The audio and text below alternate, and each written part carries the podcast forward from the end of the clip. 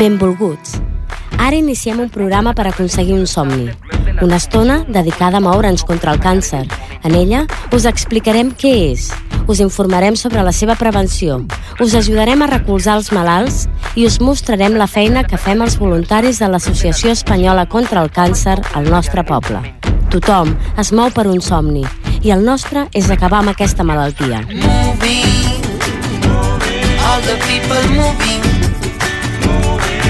One for just one dream. We say moving, all the people moving. One for just one dream. Bona tarda a tothom i benvinguts a la setena edició del programa Movem-nos contra el càncer. No us podeu perdre el programa d'avui, ja que a més d'explicar-vos totes les activitats que hem fet durant aquest mes, us explicarem totes les que encara en queden per fer i que no són pas poques. Per altra banda, també tindrem la Roser, una persona que va lluitar contra el càncer i l'ha superat amb èxit. A més, tindrem les seccions habituals del programa, com les novetats en terrenys oncològics, notícies que sempre van bé escoltar-les, ja que ens ajuden a seguir endavant amb la lluita. Benvinguts, Núria, Núria, Jordi i Roser. Comencem.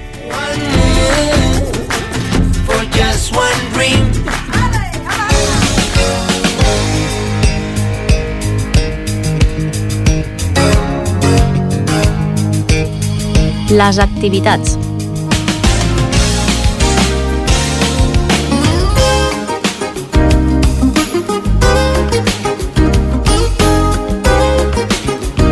Molt bé, doncs com hem comentat aquí en el, en el sumari, eh, tenim un, un mes eh, dedicat bàsicament a, a la campanya del càncer de mama, que hem, hem fet ja activitats i en tenim altres també també programades.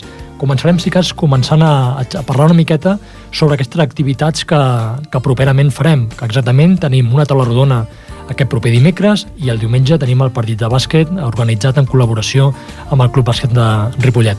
Si cas comencem a explicar una miqueta què, què és aquesta taula rodona que tenim preparada per aquest dimecres, el, el títol de la qual és La lluita per un final feliç, experiències mèdiques i, perso i personals amb el càncer de mama.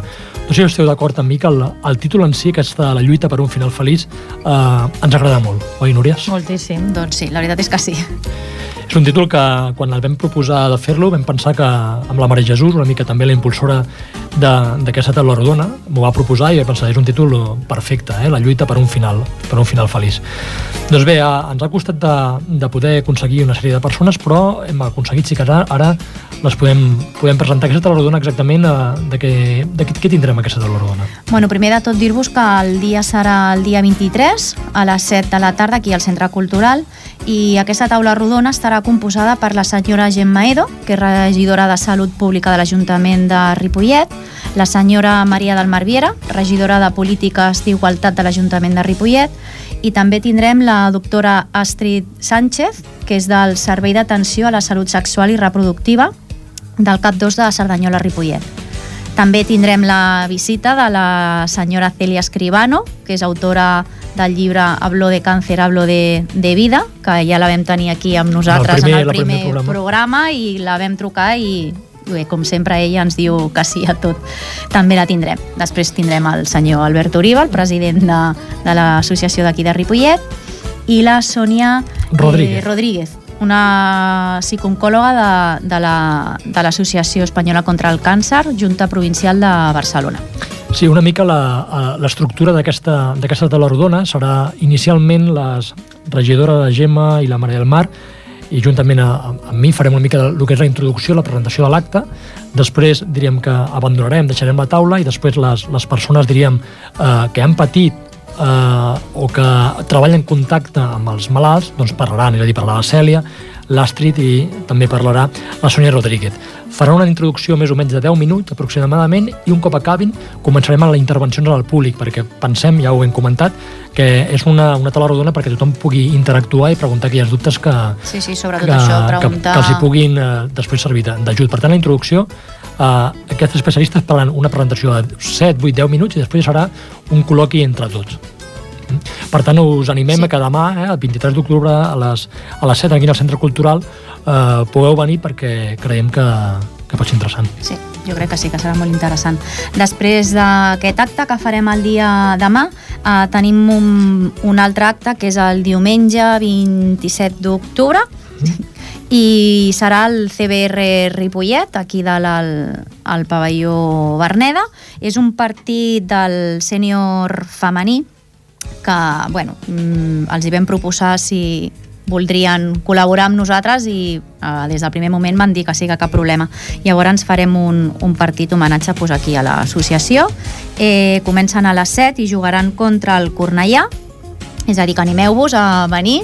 Eh, també estaran els a l'escola Sant Graviel, sortiran els equips femenins també amb una pancarta i tal i després a mig partit, a la mitja part farem un sorteig a productes de la farmàcia Selva que ens ho han cedit i bueno, també vendrem samarretes, ulleres de sol, tan mones que vam vendre molt el dissabte i bueno, estarem allà i esperem que us apropeu i gaudiu de la tarda, del bàsquet i col·laborem tots per, per l'associació. Voldria agrair des d'aquí també el, la, la facilitat que ens ha posat el, el bàsquet de Ripollet per poder fer l'acte, així com la, bueno, com la, la donació o el donatiu que fa la farmàcia Selves, que ràpidament també va accedir a, a, a poder fer aquest donatiu per intentar, diríem, fer un sorteig i recaptar diners per l'associació. La, uh -huh. A part que l'entrada és gratuïta, oi, Albert? Uh, sí, l'entrada no... serà totalment gratuïta i l'única cosa que farem és entre el partit i la mitja part farem el sorteig i la gent que vulgui col·laborar doncs comprarà un número que farem el sorteig allà mateix sí. i que podrà, la persona afortunada tindrà aquest lot de productes de la farmàcia. Per tant, bàsicament tindrem a, aquestes, aquests dos actes que, juntament amb els que ja hem fet, que més tard ho, ho explicarem una mica a la part de, de l'agenda, eh, composen una mica aquest, aquest mes, que si us en recordeu, l'últim programa que vam fer amb la Junta Local de Cerdanyola, mm, teníem moltes activitats a, definir, però jo crec sí. que ells ens han donat un impuls per poder, per poder muntar, diríem, aquestes tres activitats centrals, oi? Sí, va ser, i, ens va, ens va, i en poc, i en poc temps, temps, també, sí, perquè ens hem dormit una miqueta. Ens hem però... dormit, però ràpidament ens hem pogut, suposo que... Ens hem fet, posat les piles. Sí, la, la, els companys de, de Cerdanyola ens han fet animar i ens han fet que en pocs dies, només sortir d'aquí, vam començar a preparar aquests 3-4 actes i crec que, que ha valgut la pena i que a la meva part estic content de com, com van i com aniran. La veritat és que sí, perquè la gent de seguida que els hi dius voleu col·laborar, cap problema, compta amb nosaltres. Jo, per exemple, el del CB Ripollet, que ho he promogut jo una miqueta, des del primer moment no han posat cap mena d'inconvenient. Podem fer això, podem fer l'altre, vull dir que jo estic molt contenta, la veritat. Perfecte, igualment amb, amb la taula rodona també a les persones que hem contactat a cap s'ha negat, sinó totes les que hem dit ràpidament han accedit, tant les regidores com la metgessa, com l'autora del llibre, tothom ha, accedit ràpidament. Només quedava la, la psicooncòloga, que creiem que era una persona important que hi sigués, i bueno, ens han confirmat ja que vindrà la Sònia Rodríguez, aquesta persona que, que ajuda els malalts que ho necessiten de la banda de, de psicologia. Recordem que també és un servei de l'associació que a vegades la gent no coneix, eh? es pot trucar i nosaltres li podem oferir Sí que actualment l'hem de dirigir cap a Sabadell, que és el lloc on, eh, on aquesta persona parla, però és un servei ràpid. Eh? L'altre dia parlant amb una persona que li feia falta, em va comunicar que ho va demanar un dilluns i data dilluns ja tenia visita. Per tant, qualsevol persona, tant ell com algun familiar cregui que és convenient aquesta visita amb un psicooncòleg, només ha de fer que demanar a nosaltres informació que nosaltres ràpidament l'apuntarem, bueno, li donem el telèfon de Barcelona i a partir d'aquí començaran a, a muntar la primera visita. És un servei més de l'associació. Molt bé, doncs eh, penso que fins aquí el, el, la part aquesta d'activitats, d'una mica de... De lo que queda pendent Això mateix, de lo que queda pendent per fer. Doncs, molt bé, doncs fins aquí aquesta, aquesta part.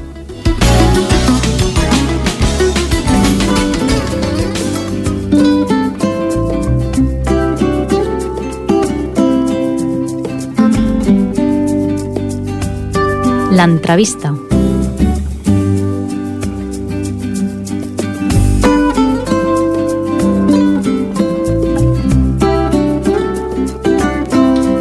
Bé, avui ens acompanya la Roser Saló. Uh, bona tarda. Bona tarda. Bé, uh, la Roser Saló, bueno, com una mica més tard uh, veurem l'entrevista amb la Núria, uh, va patir un càncer de colon, ara exactament fa... 21 anys. 21 anys, i bé, la tenim aquí com a, com a exemple de, de lluita i de superació. Eh? Per tant, Núria, doncs com vulguis. Hola, Roser. Hola. Bona tarda. Hola. Quan vas començar a notar que alguna cosa no anava bé? Pues vaig començar a sagnar Jo pensava que eren morenes i no li donava importància, pensant, bueno, ja aniràs al metge, fins que va ser ja una mica insistent, no? I llavors vaig decidir, però verdaderament vaig pensar que eren morenes. Vull dir, no, no, ni per un moment vaig pensar que podia tindre una altra cosa.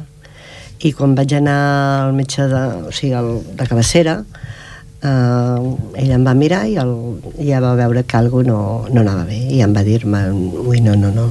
S'ha de fer un, una colonoscòpia perquè aquí hi ha alguna cosa.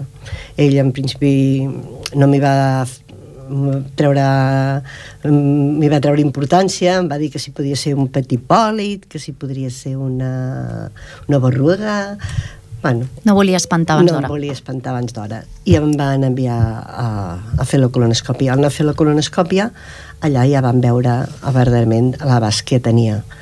A mi no m'ho van dir, però el meu marit sí que el doctor de la colonoscòpia li va dir mm, això eh, aquí hi ha un tumor, és gran i, i no em fa gens de bona pinta. O sigui que ja em van treure per fer la biòpsia i va dir ràpidament s'ha de fer cap de 8 dies quan van donar el resultat ja van dir pues, que sí, que era linfàtic i del més dolent ja, i amb ell ja li van dir que tenia com 3 mesos de vida vull dir que li van donar molt poques esperances però bueno mm, continuo Sí. Quina va ser la teva reacció quan et van confirmar que paties el càncer?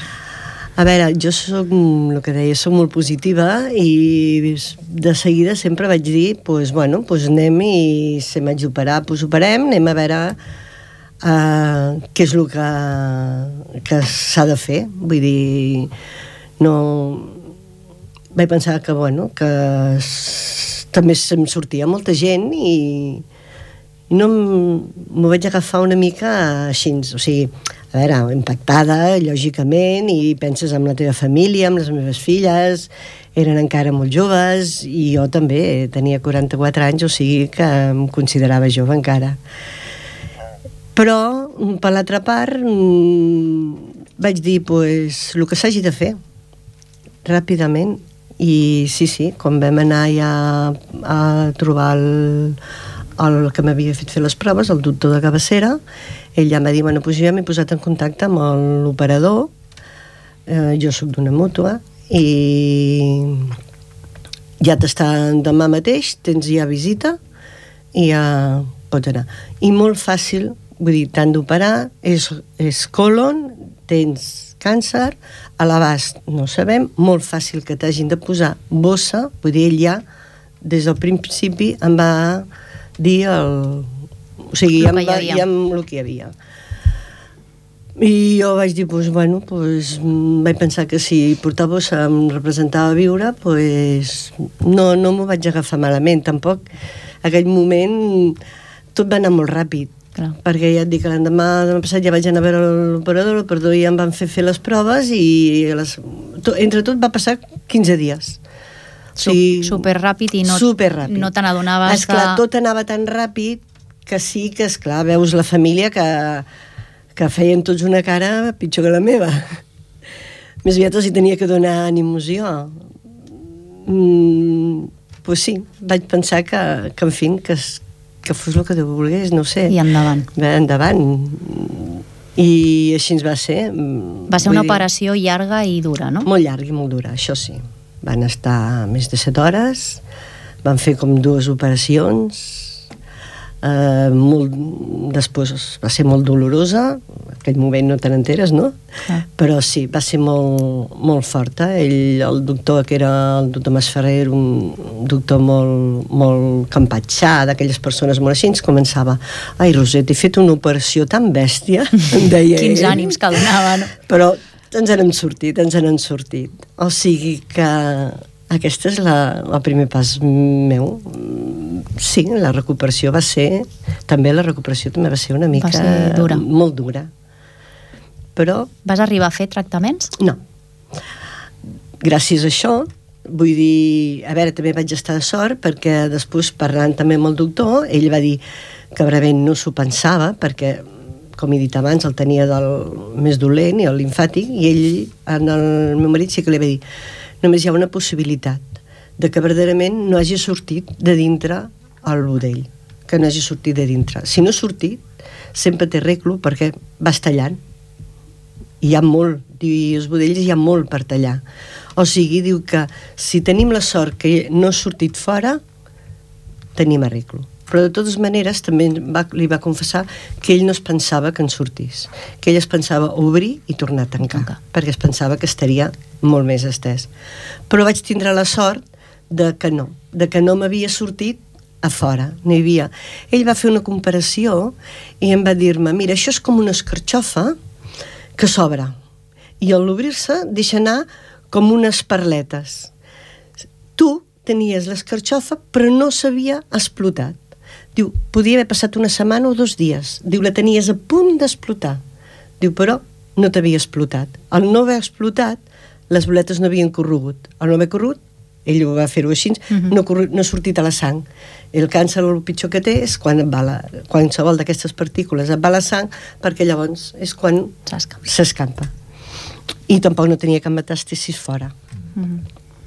I a més dels metges, recordes altres professionals de la salut que et van ajudar especialment?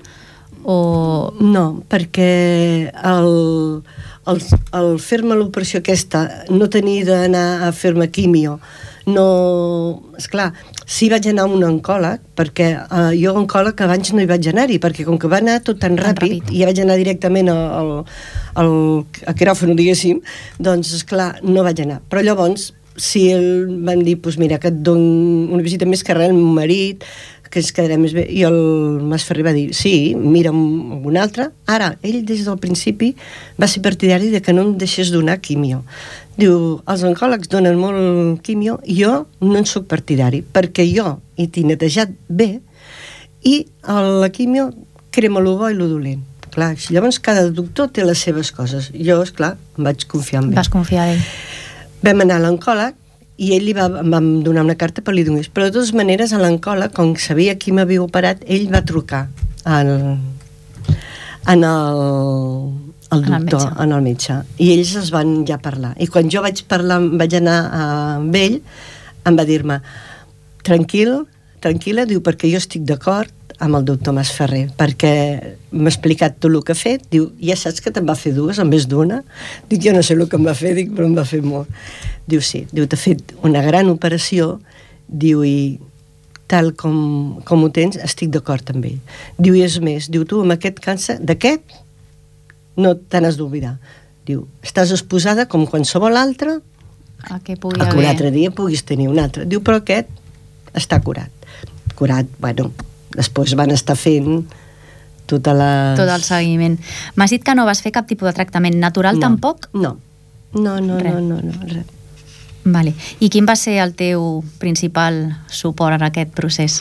Home, la família els meus, i els meus amics, també. Els amics de tota la vida em van ajudar molt, tota la meva família, tota, tota. Les nenes meves eren petites. Les meves filles.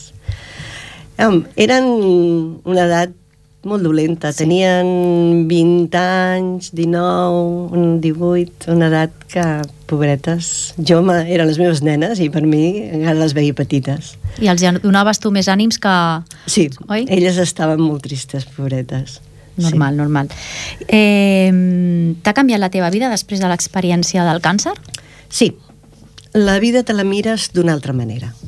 Dones valor amb una sèrie de coses que abans passaves d'elles, diguéssim, eh, que no hi dones importància, i llavors te'n dones compte... O sigui, jo m'ho vaig agafar com que havia tornat a néixer. Déu m'havia donat una segona oportunitat.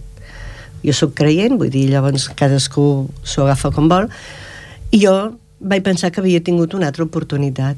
I verdaderament m'ho he agafat com una segona oportunitat. És més, ha durat molts anys que a casa meva quasi celebràvem l'aniversari el dia 4 de maig. Que va ser vez quan et van operar, Va ser quan em van operar i deia, mira, tinc un any, ara en tinc dos, ara en tinc tres. I, i verdaderament era una mica així. També jo havia començat, no sé si...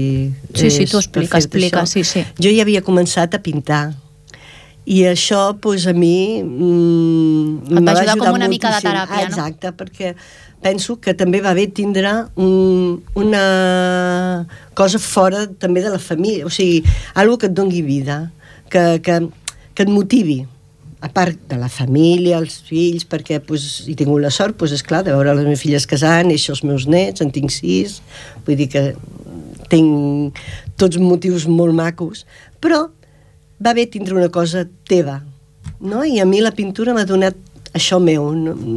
algo que m'ha... Sí, que en els dies potser que estaves animada pues, Ah, et sortien exacte. uns quadres més, Més, macos, el dia que estaves mm, allò de bajón, Els pues, tatxàvem i tornàvem a començar. bueno, i així Però- ningú sabia... Exacte. Et desfogaves allà també amb la, amb la Exacte. pintura. Sí, sí, Moments sí. teus íntims. Sí, a més a més, t'ha- després, quan has fet algunes exposicions, i has pensat, bueno, doncs veus, has pogut fer alguna cosa, alguna i fora de... Eh, per exemple, nosaltres, vosaltres, el jovent, tothom ha treballat, fet... Nosaltres som d'una altra època que ens sembla... Sí que jo havia treballat al principi molts anys, però després amb les nenes i tot, doncs et quedes més a casa, no? I en canvi això et dona com una oportunitat de pensar que, que ets important per fer alguna cosa. No? Fora, a part de, de la família, que és molt important a la família, vull dir, no, no és que li tregui el mèrit, però dona una satisfacció. I després d'un cop que t'ha donat la, la malaltia i tal, Exacte, pues, et, et, et, eh, exacte. Uh, et don de dir, bueno, pues, això, uns ànims, una cosa a valorar, això. Vull dir, Mhm. potser en un altre moment no, t'hauries, no hauries valorat totes aquestes altres coses i després les valores totes.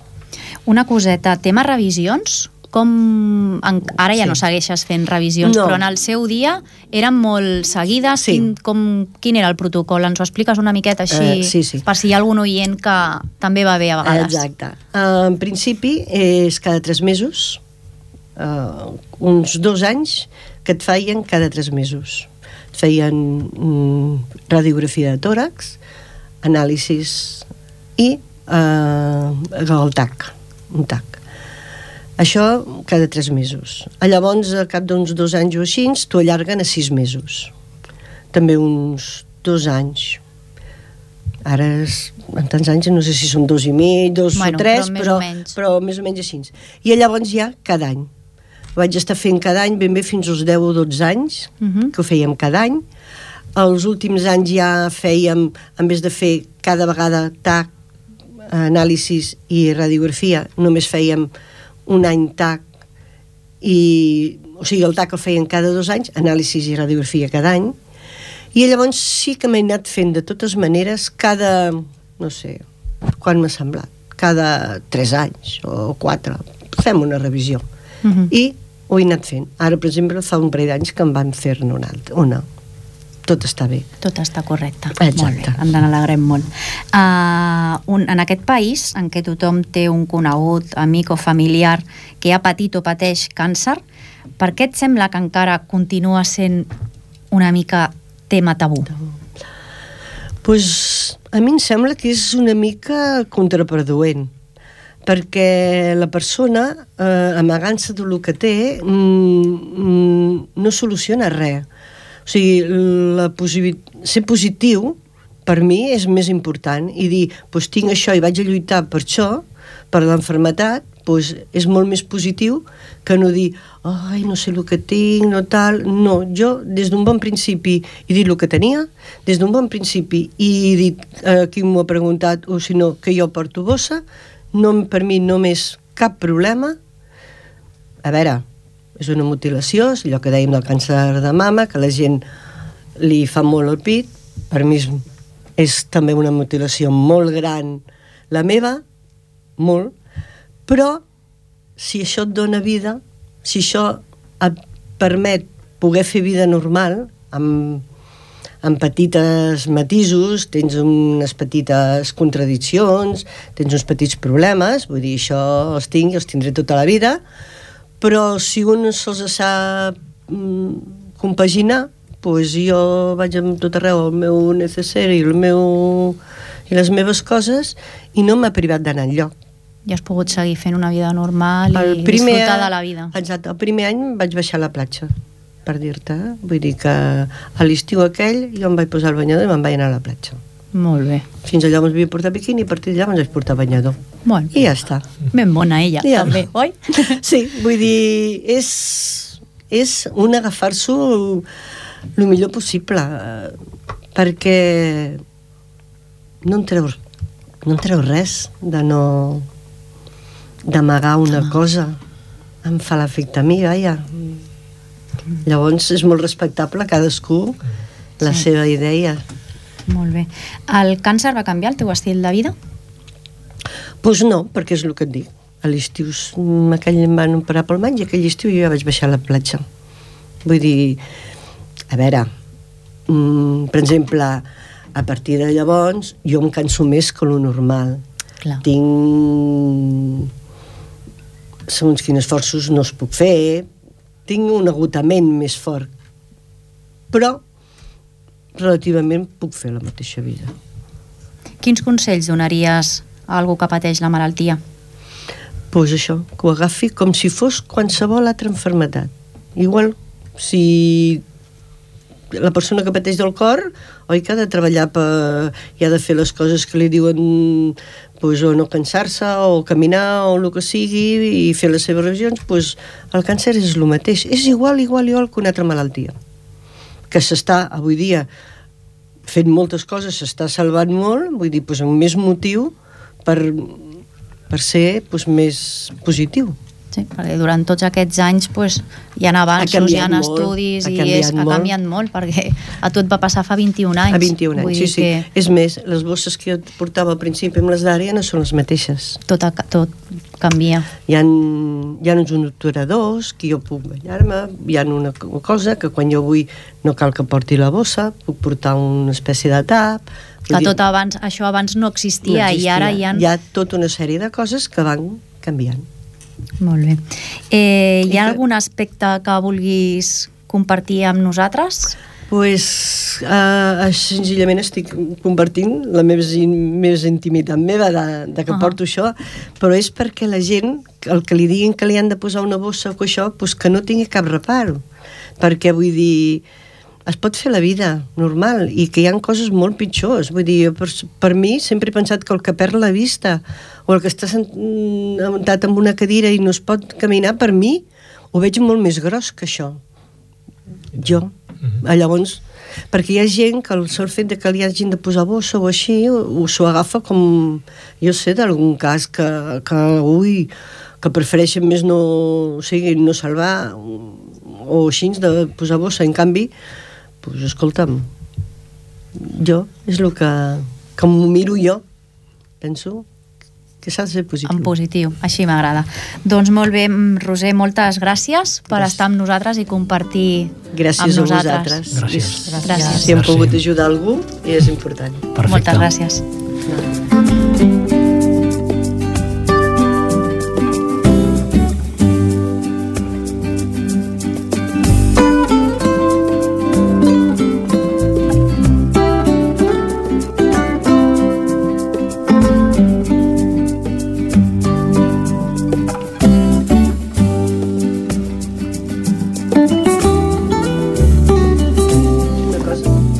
Bé, doncs, eh, molt bé aquest, eh, aquesta entrevista d'avui a la Roser. Perfecte, com ja he comentat, esperem que hagi servit doncs, per, com a exemple i perquè algú que ens estigui escoltant doncs, el, seu, el seu testimoni li el pugui ajudar. Bé, recordeu que també tenim un telèfon del programa que qualsevol persona que vulgui pot intervenir en directe, eh, que és el 93 594 21 64 i que també, a part, sabeu que si voleu contactar directament amb, amb nosaltres, amb l'associació de Ripollet, podeu fer-ho a través del Facebook, al ASC Ripollet, a partir del nostre, també el nostre correu electrònic, doble baixa arroba gmail.com si voleu també podeu trucar directament al telèfon 670 32 7883 repeteixo 670 32 7883 i recordeu com sempre en el Centre Cultural cada dilluns de 10 a 12 trobareu un voluntari que podrà escoltar-vos i podrà eh, fer s'ajudarà a dirigir cap on hem d'anar per qualsevol dubte que, que pugueu tenir. Doncs ja sabeu, totes aquestes són les mesures de contacte per intentar posar-nos d'acord i intentar seguir endavant.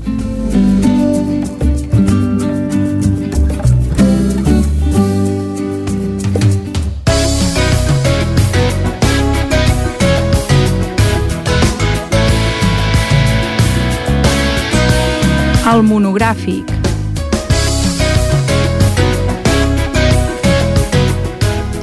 Moltes han estat les iniciatives desenvolupades per diferents col·lectius amb motiu del Dia del Càncer de Mama, que es va commemorar el passat 19 d'octubre. Una de les més destacades, pel grau de popularitat dels seus protagonistes, ha estat la participació desinteressada de diferents cantants que han revisionat la cançó Color Esperanza, Chenoa, La Mari de Chambao, Leire de la Oreja de Van Gogh o Mai Meneses de Nena de Conte. Han posat les seves veus en aquesta iniciativa que destinarà els seus beneficis a l'Associació Espanyola contra el Càncer i a la lluita, lluita contra el càncer de mama. Molts altres artistes i grups liderats per dones participaran també en el concert solidari Por Elles, que tindrà lloc el proper 26 d'octubre a Madrid. Allà estaran Luz Casal, Malú, Vanessa Martín o el Efecto Mariposa. Cada una d'elles pujarà a l'escenari a un cantant masculí per interpretar un tema a duo. Manuel Carrasco, Coti o Melendi seran alguns dels seus acompanyants. Els diners recaptats en aquest concert també es destinarà a l'Associació Espanyola contra el Càncer.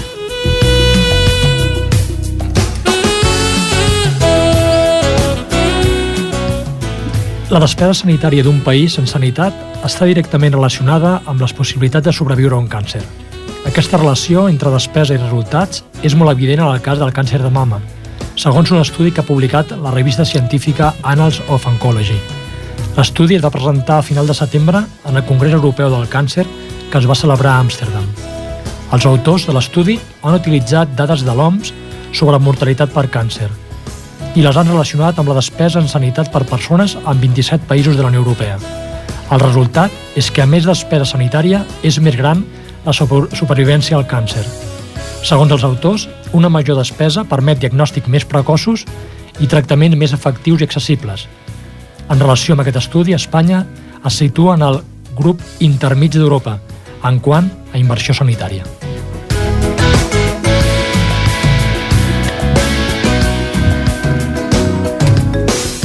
un nou fàrmac allarga un any la supervivència en pacients amb càncer de mama avançat, aprovat pel Ministeri de Sanitat. El comercialitzarà l'empresa Novartis sota el nom Affinitor i va ser presentat a finals de setembre. Aquest fàrmac ha aconseguit eludir els mecanismes de resistència tumoral i endarrerir un any l'abans de la malaltia, sense haver de recórrer a la quimioteràpia i altres tractaments agressius. A nivell mèdic, es considera l'avanç més gran que s'ha produït pel càncer de mama en els darrers 15 anys.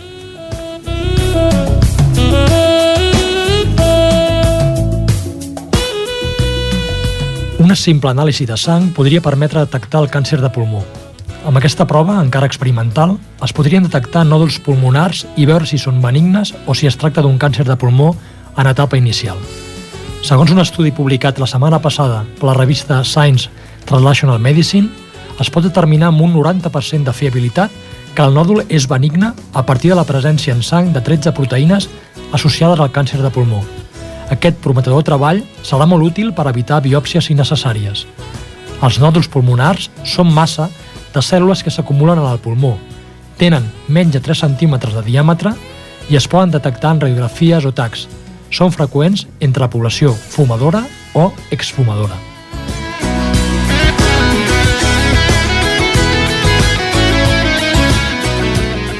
Els malalts de diabetes tenen un risc més gran de patir càncer de mama i de colon. Aquesta és la principal conclusió d'un treball amb informació de gairebé 2 milions de pacients i desenvolupament per una universitat d'Holanda. En relació amb la diabetes, l'estudi també vincula l'obesitat amb aquest tipus de càncer. Els metges alerten que el nombre de persones obeses van en augment. Per això incideixen en que les campanyes de prevenció de l'obesitat i de la diabetes s'han de centrar en els nens per evitar que acabin desenvolupant càncer de mama quan siguin adults.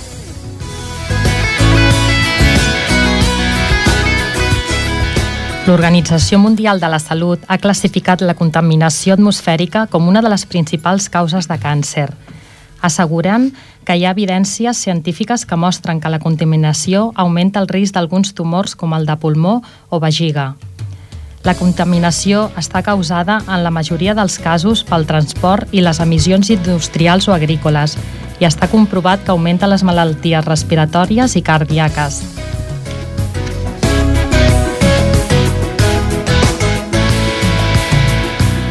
L'Hospital de Vall d'Hebron investigarà una vacuna terapèutica contra el càncer cerebral. L'objectiu és crear uns anticossos específics i personalitzats contra el tumor de cada malalt. El neurocirurgià Fran Martínez Ricarte, que participarà en aquest assaig clínic, ha explicat que les cèl·lules de cada tumor cancerigen contenen un ADN individual diferent d'un altre càncer i la vacuna que el pot destruir ha de ser personal i individual per eliminar aquell tumor concret.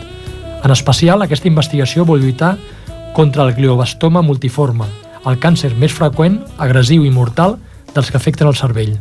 El projecte s'iniciarà el 2014 en 30 pacients de tota Europa i està finançat per la Unió Europea.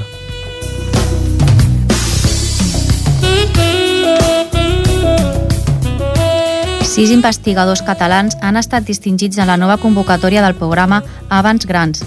Aquesta és la major subvenció individual en l'àmbit de la ciència que s'atorga a la Unió Europea. El programa suposa un ajut de fins 3 milions i mig d'euros durant 5 anys per desenvolupar investigacions innovadores i de gran abast. En total, el programa ha distribuït 600-600 milions d'euros entre 284 investigadors de 18 països. Un dels guardonats a Catalunya és l'Eduard Batllet, de l'Institut de Recerca Biomèdica de Barcelona, que realitza investigacions centrades en el càncer de color rectal.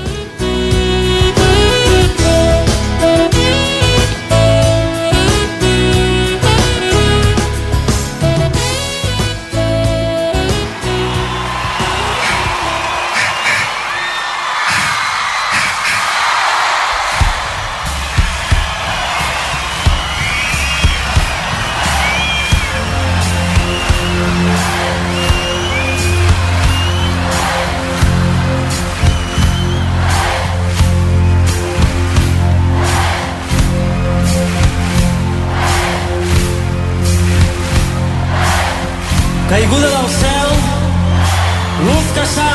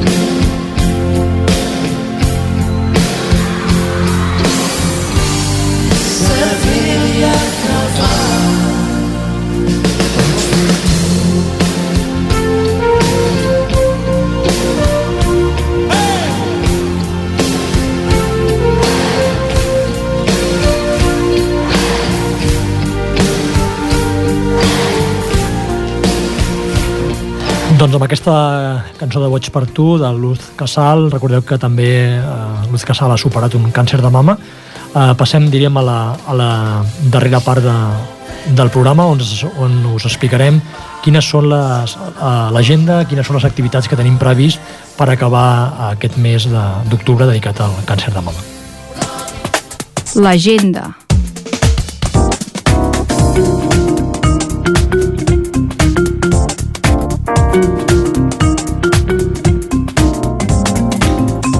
Bé, doncs, eh, ara que hem acabat abans de la cançó monogràfic, tot aquest eh, tema sempre encaminat a, a bones notícies, crec que fa uns segons, abans de la Roser, abans de, de marxar, ens ha deixat una bona notícia, veritat? Tot sí. Eh, ens ha dit que si volíem, ella ens donava un dels seus quadros per fer també un, el sorteig a- el dia de diumenge, el dia 27, en el partit del bàsquet, i s'ha ofert i li hem dit que sí. Doncs perfecte, per tant, eh, jun- juntarem els dos regals, el que és la, la, el, el lot de, de La productes. farmàcia Selva i el, i el quadre de la Roser Saló, que jo els he vist i són molt macos, eh? Doncs, doncs perfecte. Bé, pel que fa una mica a l'agenda, recordem també que aquest, eh, aquest divendres passat va ser el sortit de la televisió. Bé, uh, Va sortir el número 374. molt bé, 374, recordeu que tenim més o menys per retirar-lo un mes. Llançada a les botiques, Mm, Núria, com va anar? Doncs molt bé, les botigues va ser... Crec que vam començar una miqueta fluixets i mica en mica es van animar. Es eh, va la gent? animant molt. Jo a través del Facebook també, oi, Núria? La Núria ho Jo explicarà el millor. primer dia, quan l'Albert em va passar el correu des de la Sí. Unió de Botiguers, que la Ingrid, la secretària, ens va estar ajudant, doncs la veritat vaig dir, ostres, només en tinc sis botigues, com puede ser?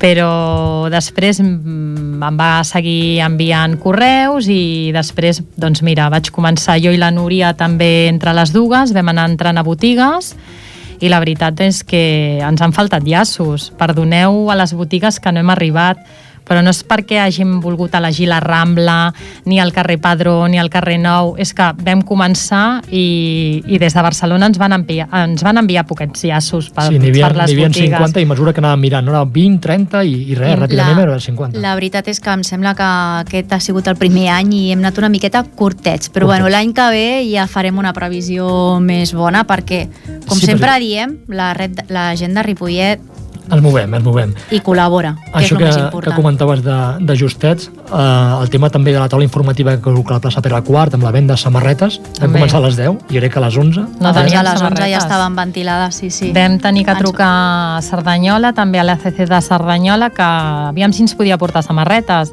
Ens les van portar, vam arrasar una altra vegada i ara, doncs, a través del Facebook, pel telèfon, hi ha gent doncs, que em demana samarretes. Des d'aquí us dic que... les poques que en tenim les tindrem al pavelló el diumenge, però ja avancem que són talles petites. Són talles petites. És la S màxim M, em sembla, però que aviam que la S entra, eh? Sí, perquè ens les hem posat nosaltres, Jo tinc dir la que- S.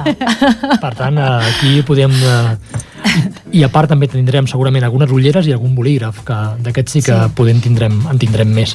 Però crec que va ser una de les vegades no, que vull dir, com molt dinàmic, no? Arribaves allà Sí. i la gent, vull dir, eh? en tens samarretes, no en tens, en portarem, vull dir... Jo ah, és sí, sí. la, La la, vegada, primera sí. vegada que em Sí. sento... Aviam, no és que per la recapta et sentis malament, diferent, és molt però és diferent. molt diferent. Tens que anar una miqueta darrere de la gent. I aquesta vegada, mm, la veritat, jo no em vaig tenir que moure de la taula. Ni Gens. jo ni els altres companys, voluntaris. És que la gent s'apropava i la gent doncs, superconscienciada a col·laborar, eh, nens, bueno, una passada. Una Jo, passada. jo, si em permeteu, vull agrair a la meva filla que ens va estar ajudant, eh? Molt bé. I tant, a fer llaços. Té, té raó, a fer raó. La filla de l'Albert també, a tallant amb les tisores. des de ben petites ja I veuen la també feina les dels germanes papes. Pacheco, que, eh? Sí, germanes- la, Mai, mai ens deixen aquestes noies, la veritat és que sempre venen. Aviam Una si poden feina. fer els 18 i ja les posem Amb de voluntàries. Sí, perquè he enviat un mail a l'associació i comenten que 18 és l'edat mínima poder, per poder-se fer voluntàries. Però bueno, elles també col·laboren. Eh? a I tant, seva- no, a és que seva- sempre estan, eh? A la seva forma. Sempre estan. Molt bé, uh, després això, la taula informativa també, com a anècdota, que havien d'acabar a dos quarts de dues, i a la una vam dir, és que podem tancar, perquè és Per que la gent ve i sap greu, perquè és que no, no, No teníem no teníem, res. no teníem, no teníem res més. La, des de la central, des de la Junta Central de Barcelona ens ha felicitat per aquest acte, perquè han vist que, déu nhi que ha sigut tot, tot un èxit. Home, per ser la primera vegada que Doncs estem sí. nosaltres Sí, eh, sí, in sí. situ, no? perquè jo era la meva primera vegada, mm, jo crec que va estar molt bé, és el que parlava, més que a, a la poca estona ja, ja no quedava res, i, i què fem ara? I, i la gent, També sabia greu no? perquè venia i Sí. no és que tu no volguessis, sinó és que no en tenies. És que no en teníem, no en teníem. Vam començar amb 37 samarretes, em sembla, i ja et dic que a les 10 i quarts ja vam posar i a les 11 ja no en teníem, no? Mhm. I, quan, I quan ens van portar les samarretes jo vaig pensar, 37 samarretes, mare meva, quina No les feinada per vendrem, vendre. no les vendrem. I la veritat, doncs, que es va vendre superràpid, superràpid. Des d'aquí també eh, volem donar les gràcies a la ràdio per deixar-nos posar la, la pancarta aquí en Penjada el- al balcó. Sí, en sí. el seu balcó durant tota aquesta setmana doncs, de, de, des de l'ACC de Barcelona doncs donar-vos també doncs, moltes gràcies per deixar-nos posar aquí la pancarta, que ara ens l'emportarem Sí, per que, que farà falta per diumenge per la- diumenge per les noies del, per les noies del bàsquet. Molt bé, doncs, eh, perfecte. Jo crec que he fet un resum ben ampli de, de tota la, aquesta agenda. Fixeu-vos, hem, us hem explicat el que hem fet i també abans el que queda, queda per fer. Doncs, per tant, crec que aquest mes d'octubre ha estat ple, ple d'actes i ple d'informació. Ho tornem a recordar una miqueta per si algun oient ha entrat una miqueta tard, que demà tenim taula rodona a les 7 aquí al Centre Cultural, que serà molt important, jo crec que us hauríeu d'apropar, i el diumenge 27 al CBR Ripollet eh, tenim partit de bàsquet de les noies del femení, que Contra el Cornellà, contra el Cornellà, Bon partit. i les noies han oferit a sortir amb el llaç, i doncs esperem. animeu-vos a, Demà a fer-nos una visita que estarem nosaltres per allà també. i diumenge.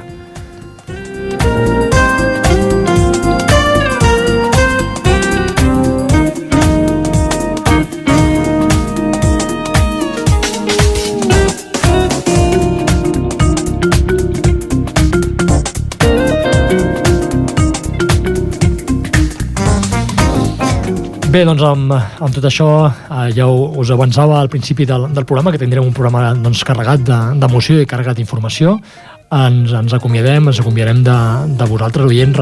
Crec que ara el proper, el proper dia que tindrem el programa serà el dia 27 de, del proper mes de, de novembre. Recordo també eh, que es podeu trobar en el Centre Cultural de 10 a 12 i a la pàgina web i allà amb el Facebook ASC Ripollet i res més, acomiadem el programa Núria, com sempre, molt agraït molt agraït Jordi pel control i ens veiem d'aquí un mes si Déu vol Doncs Fins la sí. pròxima. All the people moving.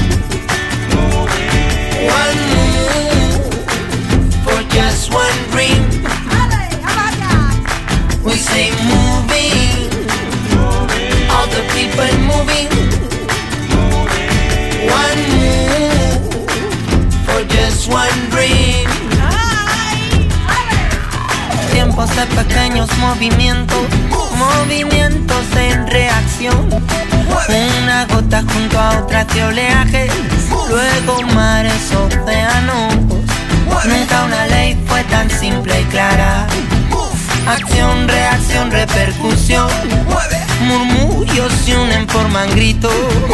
Juntos somos evolución. Moving, all the people moving.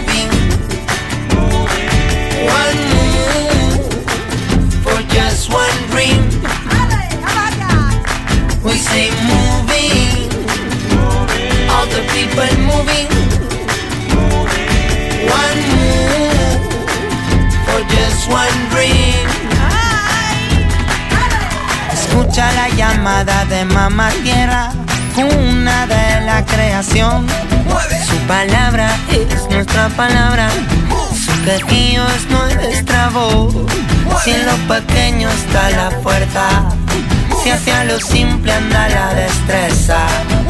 Volver al ori que no retroceder, quizás sea andar hacia el saber. Moving, all the people moving. One move for just one dream. We say the people moving. One move for just one dream. One move, baby, moviéndose. And the world, baby, come, baby, come, whatever it what you want. One move, baby, moviéndose. In the world, we come, we come, whatever do, what you want. This is the life, life, best, best. Under your feet. This is the live, live, best, best. Under your feet. This is the moving All the people moving. One move For just one dream. We say moving. All the people moving. One move For just one dream.